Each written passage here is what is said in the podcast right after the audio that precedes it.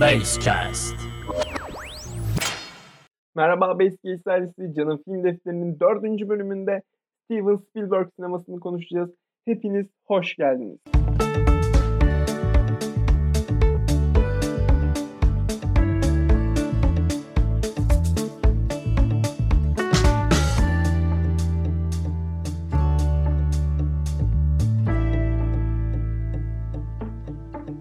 Evet aslında bu bir doğum günü özel videosu sayılır. Çünkü ben bu videoyu 19 Aralık Cumartesi günü seslendiriyorum. Siz ne zaman bu podcast'i dinlersiniz tam olarak bilmiyorum. Ama yani 18 Aralık Steven Spielberg'in doğum günüydü ve 74. yaşına girdi. Belki de dünya tarihinin en iyi yönetmeni. Gelmiş geçmiş en iyi yönetmen. Bilemiyorum. Yani öyle bir adam ki Oscar ödül törenlerinde Tanrı'dan daha çok teşekkür almış ve şu ana kadar gişede 10,5 milyar dolarlık başarısıyla ilk sırada yer alıyor. Yani mükemmel bir şey. Amerikan Yeni Dalgası'nın en iyi yönetmenlerinden bir tanesi. Jenerasyonun en iyi yönetmenlerinden bir tanesi. İstediği şeyleri çekebildi. Yani biliyorsunuz bunu Godfather videosunda bahsetmiştim bu konudan. Martin Scorsese, sonra Steven Spielberg, George Lucas ve Francis Ford Coppola çok yakın arkadaşlar ama George Lucas ve Francis Ford Coppola şu ana kadar yaptıkları işleri beğenmiyorlar. Bunları yapmak istemediklerini söylüyorlar. Scorsese ve Spielberg aynı durumda değiller. Ama George Lucas böyle söylüyor. Dünyanın en zengin 50 insanı arasında sadece iki yönetmen var. Birisi Steven Spielberg, diğeri George Lucas. Evet, hikayeye başlayalım yavaştan. Spielberg'ün sinema yolculuğuna başlayalım. Yavaştan. Evet, 1920'lere gidiyoruz. Yani sinemada stüdyoların ilk açıldığı tarihe. Universal olsun, Warner Bros. olsun, MGM olsun bu tip stüdyoların ilk açılış tarihine gidiyoruz. Şimdi bu stüdyolar ilk açıldığı tarihte sinemaları tekelleştirmiş şeyler. Çünkü yönetmenlerle uzun süre sözleşmeler imzalıyorlar, oyuncularla uzun süre sözleşmeler imzalıyorlar, set elemanlarıyla uzun süreli sözleşmeler imzalıyorlar ve yılda 300-400 film çekiyorlar. Aynı zamanda bunların sadece birkaç tanesi iyi olabiliyor ve o iyi filmleri sinemalara verirken yanında kötü filmlerini de kakalıyorlar sinemacılara. Ve böylelikle sinemayı işgal ediyorlar kendi filmleriyle. Aslında biraz BKM de şu anda bunu yapıyor diyebiliriz ama başka bir günün konusu bu. Evet şu an durum böyle. Sonra 1948'de Amerikan hükümeti bu stüdyolara bir dava açıyor ve kazanıyor. Bunun sonucunda 1950 yıllarda çok büyük bir çöküşle başlıyor Amerikan sineması 1950'li yıllara ve bir durgunluk sürecine giriyor. 60'larda yeni Amerikan dalgası dediğimiz yönetmenler ortaya çıkıyor. İşte Scorsese, Spielberg, Coppola, George Lucas, sonra Walter Murch gibi isimler ve daha niceleri e, ortaya çıkıyor. Sinemayı değiştiriyorlar tabii ama 60'larda seyirci de değişiyor sinemada. Şöyle bir şey oluyor. Daha kültürlü, okuyan ve daha genç bir kitle sinema izlemeye başlıyor 60'larla beraber. Zaten 68 jenerasyonu uçuk fikirleriyle ünlü biliyorsunuz. Evet. Tabii bu Amerikan yeni dalgası film endüstrisine farklı şeyler katıyor. Çünkü hem filmler filmlerin çekimi ucuzluyor hem de kameralarda küçülmeye gidiliyor. Çünkü dış mekan çekimleri artık. Hani hatırlarsanız Godfather bölümünde de bundan çok bahsetmiştik. İşte dış mekan çekimlerinde Coppola'nın ısrarcılığından falan bahsetmiştik. Dış mekan çekimleri geldiği için kameralar küçültülüyor. Normalde işte 40'larda, 50'lerde, 30'larda kullanılan kameralar yüzlerce kilo ağırlığında artık kameralarda küçük klasikleşmeye gidiyorlar. Yeni Amerikan dalgasıyla beraber. Evet, Spielberg'ün artık hikayesine dönelim. Spielberg, Yahudi bir ailenin çocuğu. Annesi ve babası ayrı yaşıyorlar. Gelecekte ayrılacaklar. Ee, babasının ona 11 yaşındayken 8 milimetrelik bir kamera almasıyla başlıyor onun sinema yolculuğu. Ee, dersleri kötü bir öğrenci. USC sinema okuluna gitmek istiyor. Zaten yeni Amerikan dalgasındaki çoğu yönetmen bu sinema okuluna gitmiştir. Spielberg de bu sinema okuluna gitmek istiyor ama notları yüzünden okula alınmıyor. Bu yüzden bu fikrinden vazgeçmek zorunda kalıyor ve bir gün Universal stüdyolarına bir geziye gidiyor. Universal stüdyolarına gittiğinde diyor ki ya benim bir lavaboya gitmem lazım diyor ve gidiyor. Efsaneye göre bu sırada Steven Spielberg lavaboya gitmiyor. Universal stüdyolarındaki boş odalardan bir tanesine gidiyor ve 6 ay boyunca oraya gidip geliyor. Orada çalışıyor yani illegal olarak. Efsane böyledir. E sonuç olarak bir Universal yöneticilerine yöneticilerinden bir tanesine kısa filmlerinden bir tanesini izletiyor ve adam filmi cidden beğeniyor. Sonra 21 yaşında televizyon yönetmenliği sözleşmesi imzalatıyor Spielberg'e ve Spielberg sinemaya tam anlamıyla atılıyor diyemeyiz daha ama sinemaya atılıyor. Sektöre atılıyor diyelim daha doğrusu 21 yaşındayken ve ilk filmi olan The Duel, Bela filmi, bir televizyon filmidir bu. İzlemediyseniz şiddetle izlemenizi tavsiye ediyorum. Ben bu filmi izlediğimde YouTube'da yoktu. Şu an YouTube'da var az önce baktım. YouTube'da yoktu ve çok zor izlemiştim. Bir siteden izlemiştim ama çok zorlanmıştım. Görüntü çok kötüydü.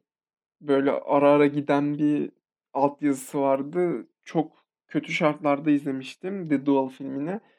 Yani konu çok basit bir kurguda ilerliyordu. Yani bir kamyonet tır şoförü işte bir adamı kovalıyordu. Böyle bir film. Kurgusu çok basit. Tır şoförünü hiç görmüyoruz. Tırı ve arabayı bir de diğer arabayı, küçük arabayı kullanan adamı görüyoruz.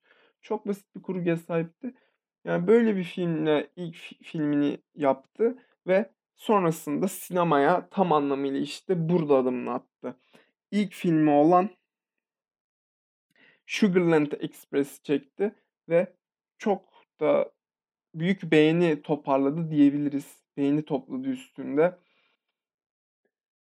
Büyük bir beğeni topladı Spielberg ama her zaman kötü yorumlar yapan insanlar olur. Bir Yahudi olduğunu söylemiştik Spielberg'ün.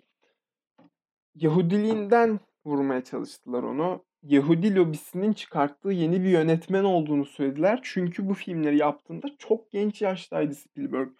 Yahudi lobisinin onun yükselişinde çok önemli bir katkıda bulunduğunu iddia ediyordu insanlar ve ben bunun yanlış olduğunu düşünüyorum şahsen. Yani yalan olduğunu düşünüyorum. Karalama projesi. Çünkü Spielberg yetenekli bir adam. Yani yeteneksiz olsa evet Yahudi lobisinin çıkarttığı bir adam olabilir derdim. Yani tabii sonradan bu eleştiriyi yani Amerikan propagandası yapmasıyla da arttırdılar ama umurumda değil. Spielberg mükemmel bir yönetmen bana kalırsa. Tam bir deha. Ee, ve buraya gelmesinde bence Yahudi lobisinin herhangi bir etkisi yok. Bu eleştirileri kaldırdıktan sonra e, Jaws filmini çekmeye başlıyor. Sıkıntılı bir film süreci. 8 ay sürüyor filmin çekimleri. Devamında şöyle bir sorun yaşıyor. Mekanik köpek balığı yani batıyor denize denizin dibine doğru ilerliyor. O yüzden öyle bir sorun yaşıyor. Yani açık denizde çekim yapıyorlar. Çekimler cidden zorluyor onları. Anında çözüm bulabilmesi zaten Spielberg'in en büyük özelliklerinden bir tanesi. Diyor ki yani görmeyelim. Yani az görünsün bu köpek balığı diyor. Tabii yine insanlar onu eleştirmeye başlıyor. Yani çoğu insana göre bu filmin başarısı Spielberg'e ait değil. Filmin kurgusunu yapan Werner Fields'a ait olduğunu söylüyorlar. Bu algıyı kırmak için de Spielberg bir daha hiçbir zaman Werner Fields'la beraber çalışmıyor. Ve bence algıyı kırmıyor, parçalıyor adeta. Tabii yani büyük bir başarı sağlıyor. Büyük beğeni topluyor Jaws filmiyle. Hatta Martin Scorsese Jaws filminin sinemadaki etkisini şöyle anlatır. Ya arabaya binerdik diyor, taksiye binerdik diyor. Sinemanın önünde beklerdik. Sonra gişi yani gişenin önünde tekrar beklerdik. Sonra sinemaya girerken yine beklerdik. Yani o kadar çok insan gidiyordu diyor filme. Scorsese. Ve yani tabii Spielberg burada neyi doğru yaptı? Yani nerede burada bu kadar başarılı oldu derseniz şöyle söyleyeyim. Spielberg büyük ihtimalle sinema işi yapmasaydı siyasetçi olurdu. Çünkü yani insanlarla ilişkisinin çok iyi olduğunu söylüyor onu tanıyan çoğu insan. İyi bir insani ilişkiye sahip, doğru zamanda doğru yerde olma faktörü de devreye girince Spielberg basamakları hızlı yükseliyor. Yani yönetmen olmadan önce Alfred Hitchcock'un setine gizlice girmiş bir adam Spielberg. Yani sinemaya çok tutku tutkulu bir şekilde takip ediyor ve yani buna cesaret etmiş bir adam. Gizlice setine girmiş, orada takılmış bir adam. Yani öyle söyleyeyim. Düşünün yani doğru zamanda doğru yerde olmayı çok iyi biliyor. Acaba yani tabii bu hikayenin tam olarak derinliklerini bilmiyorum. Ama yani böyle bir macerası da var Spielberg'ün. Evet, Jaws filmini çektikten sonra Üçüncü Türden Yakınlaşmalar filmini çekti. Burada ailesine örnek al yani aile ilişkilerinin örnek aldığı bir film olduğu söylenir. Ee, çocukluğundan kesitlerin sahne olarak e, çekildiği söylenir. Sonrasında 1941 diye bir film çekiyor ve film çok başarısız oluyor. Yani Spielberg yani cidden çok büyük bir darbe oluyor. Çünkü bundan önce çektiği e, The Duel ve Sugarland Express, Jaws, üçüncü türden yak- yakınlaşmalar hepsi çok beğeniliyor. 1941'de büyük bir başarısızlık. Sektör onu yerden yere vuruyor. Ve evine kapanıyor. 1941 filminin çıkışından sonra Spielberg evine kapanıyor. Tabii sonrasında bu filmi çektiğim için hiç pişman değilim diyor ama o zamanlar pişman olduğuna ben eminim. Sonra dediğimiz gibi yakın bir arkadaşı olan George Lucas bir gün kapısını çalıyor. Diyor ki ya boş ver oğlum depresyon falan diyor. Ben çok güzel bir senaryo yazdım al onu çek diyor. Ya diyor nedir diyor Spielberg senaryo nedir diyor. Ya diyor bir arkeolog var diyor ismi Indiana Jones böyle uçuyor kaçıyor bir yerlere gidiyor. Değerli hazineler, hazineler arıyor falan diyor. Tam bir senaryo okuyayım diyor ve bayılıyor Spielberg senaryoya. Indiana Jones senaryosuna bayılıyor ve alıyor Indiana Jones'u çekiyor. 1981 yılında Indiana Jones'u çekiyor. Devamında 1982'de E.T.'yi çekiyor. Şimdi çocuklarla arası çok iyi bir adam. Spielberg zaten bunu filmlerinde görebiliyoruz. Her zaman çocuklardan en yüksek yararı almıştır. Yani oyunculukları çok üst seviyeye çıkıyor çocukların onunla beraber. Tabii sinema eleştirmenleri de şöyle bir eleştiri yöneltiyorlar. Spielberg'e diyorlar ki yani E.T.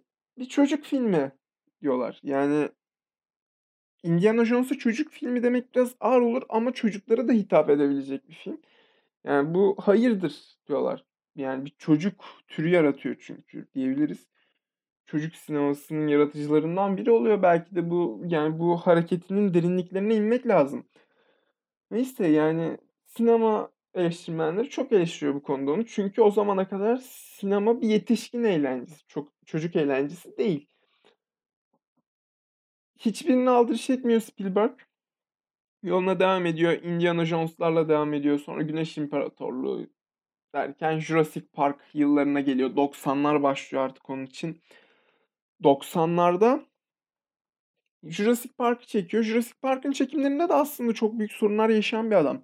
Nasıl sorunlar yaşıyor derseniz Jurassic Park'ta dinozorları konu alıyor biliyorsunuz. Mekanik bir dinozor, mekanik dinozorlar yapalım diyor.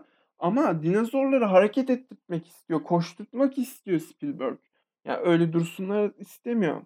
Bu mekanik dinozorları yapacak firma da diyor ki yani tam dinozor yapabiliriz ama koşması yani mümkün değil diyor adamlar. Sonra Spielberg'ü bir teknoloji şirketi arıyor ve bilgisayar üstünden dinozorları yapabileceklerini söylüyorlar. CGI'nin temelleri atılıyor burada. Jurassic Park'ta ilk CGI örneği diyebiliriz. CGI Jurassic Park'la başlıyor. 93 senesi tabii onun için çok özel. 93'ten sonra yani 93'te Jurassic Park'tan sonra Schindler'in Listesi filmini çekiyor. Çok çalışkan da bir adam aynı zamanda Spielberg yani çalışmaktan kaçmayan bir adam diyelim en azından. Jurassic Park'tan sonra Schindler'in Listesi'yle zaten Oscar'a aday oluyor. Oscar'ını alıyor. Schindler'in Listesi benim en sevdiğim filmlerden bir tanesi. İzlemediyseniz acilen izleyin. Hatta bırak podcast'i podcast'i git Schindler'in Listesini izle. 3 saat falan filan da deme. Tamam mı? Büyük kınama yersin benden. Git izle 3 saatin nasıl geçtiğini anlamazsın. Tabii şöyle söyleyeyim ben bunu dediğim için bana Yahudi sevici diyen insanlar falan da var yani. Ama ben bir insana Yahudi veya Hristiyan veya Müslüman olarak bakmıyorum. Genel olarak insan mı değil mi diye bakıyorum. İyi insan kötü insan olarak ayırıyorum ben. genel olarak. Size de tavsiye ederim. Böyle bakın ki yani gerçi sokağa çıkıp sorsak hepimiz böyle bakıyoruz da. Neyse yani. Bunlar da sıkıntılı süreçler. Evet, Schindler'in Listesi filmini çekiyor ve sonra Er Kurtarmak filmi geliyor. Er Kurtarmak da çok iyi bir filmdir. Çok iyi Amerikan propagandası içerir bu arada. Neyse ama ilk sahnesi, ilk 20 dakikası mükemmeldir.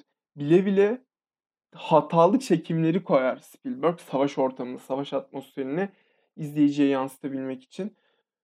Çok önemli bir şeydir bu aslında yani çok iyi bir özellik.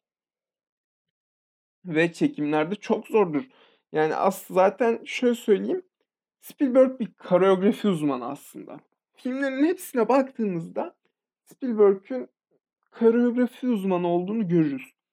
Koreografi nedir? İşte tasarımdır aslında. Ve tasarımını, sahnelerin kompozisyonunu, filmin tasarımını, koreografisini çok iyi yapar. Yani belki de bu alanda en iyilerdendir. Aynı şekilde kamera hareketlerinde de uzman bir adamdır. Yani Tabii Erayn'ı kurtarmakın da ilk sahnesini izlemediyseniz ilk 20 dakikasında gidin onu da hemen izleyin. Yani bu da sert bir söylem yani. Ben belki size sert gelmemiştir ama ben burada şu an sert yapıyorum yani. Gidin izleyin. Evet devamında Spielberg'ün ne kadar duygusal biri olduğuna da girmek istiyorum. Şimdi biliyorsunuz Yapay Zeka diye bir filmi var Spielberg'ün. Aslında filmin hikayesi Stanley Kubrick'e ait. Biliyorsunuzdur belki Stanley Kubrick de çok yakın arkadaş Steven Spielberg. Bu arada Stanley Kubrick hakkında da bir podcast gelecek. Onun da müjdesini verelim. Daha önce Matrix'in müjdesini vermiştik. Şimdi Stanley Kubrick'in müjdesini veriyorum. Evet. Neyse geçelim. Yapay zeka Kubrick'in hikayesidir. Kubrick diyor ki yani herhalde şöyle diyordur. Benim tahminim olan şey söylüyorum bu arada. Yani ben bu filmi çekemem diyor. Çünkü ben bu filmi çekene kadar filmdeki çocuk büyür diyor. o yüzden sen çek falan diyordur büyük ihtimalle yani başka bir açıklaması olamaz. Yani sonuç olarak yapay zeka filmi çekiyor. O da cidden çok güzel bir filmdir. İzlemediyseniz gidin yine izleyin dediğim filmlerden. 2002 senesinde yine Spielberg'ün çalışkanlığını görüyoruz. Yani Azınlık Raporu ve Sıkıysa Yakala diye iki tane mükemmel film yine bize veriliyor ve 2004 senesinde Terminal filmi var. Terminal filmini de ben çok severim. Ee, Terminal filmi için havaalanı yaptırmış bir adamdan bahsediyoruz. Yani bu ne ya? Havaalanı bir film için zaten. Yani Nolan biraz onun varisi gibi. Ben onu öyle görüyorum. Nolan da böyle şeyleri yapmayı çok seviyor. Zaten türleri de yakın sayılır birbirlerine. Öyle söyleyeyim. Sonra 2005'te Münih ve Dünyalar Savaşı gibi iki tane mükemmel film dağıtıyor bize yani. Yani Dünyalar Savaşı'nda bir sahne vardır.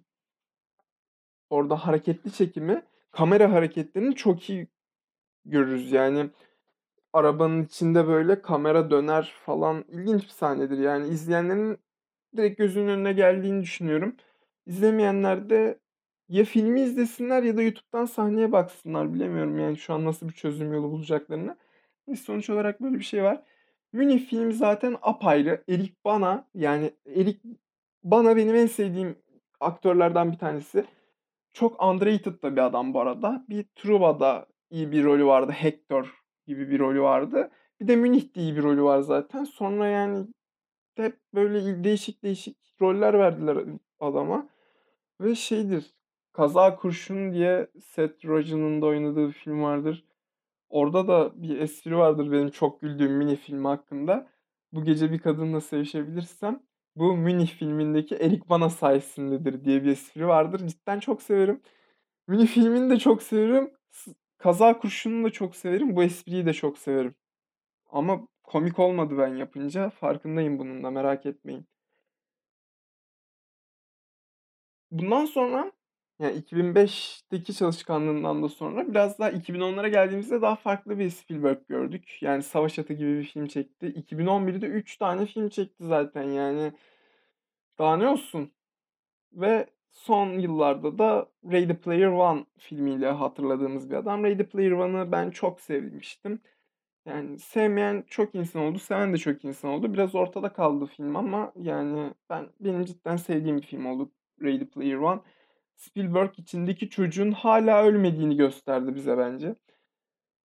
Tabii hala bu adam anlatıyor anlatıyor ama bu kadar film müziklerine önem veren bir insan Spielberg'ün hayatındaki John Williams'tan nasıl bahsetmedi diyorsunuzdur. Unutmadım. John Williams'e hemen geleceğim. Ben deli gibi soundtrack dinleyen bir adam. Yani takıyorum kulaklığı. Açıyorum. Yani böyle bir listem de var Spotify'da. Açıyorum. Deli gibi dinliyorum. Böyle manyak gibi dinliyorum. Sonra yani yine John Williams en ön sıralardadır bu konuda. Hans Zimmer'la John Williams film müzikleri konusunda benim için en ön sıralardadır. Bunu söyleyeyim. Yani Schindler'in Listesi'ndeki müzikleri ayrı severim. Er Kurtarmak'taki müzikleri ayrı severim. Savaş Atı filmindeki müzikleri ayrı severim. Yani Sıkıysa Yakaladı'nın müziklerini çok severim. Yani severim de severim müzikleri. Çok çok güzel müzikleri vardır John, John Williams'ın. Cidden başarılı, çok güzel film müzikleri yapar. John Williams'ın film müziklerini çok severim. Tekrarlıyorum. Tekrarlamaya doyamadım. Tabii DreamWorks diye de bir şirket açar Spielberg. Bu şirkette yine iyi filmler çıkarmıştır. Spielberg'ün filmleri bu şirket aracılığıyla çıkar. Aynı Francis Ford Coppola'nın filmleri nasıl American Zoetrope aracılığıyla çıkıyorsa Spielberg'ün filmleri de böyle çıkar. Son olarak anlatmak istediğim bir öykü var. Normalde bu bu tip öyküleri o filmler hakkında konuştuğumuz zaman anlatmayı düşünüyordum ama burada bir istisna yapmak istiyorum. Schindler'in Listesi film setinden bir hikaye bu. E, Liam Neeson ilk sahnede biliyorsunuz Oscar Schindler sigara içiyordur. Öyle başlar ilk sahne Schindler'in Listesi'nde. Liam Neeson diyor ki yani ben senelerdir sigara içiyordum diyor bu film çekilirken ve Spielberg Steven hiç içmemişti o zamana kadar sigara yani sigara kullanan bir insan değildi. Ama, yani, bana sahnede nasıl sigarayı tutmam gerektiğini, nasıl içime çekmem gerektiğini falan anlattı. Ben de böyle çok şaşırdım. Set çalışanlarına falan söylüyorum böyle, "Ne alaka bu adam bana böyle şeyler söylüyor, hiç sigara içmemiş." diyorum diyor.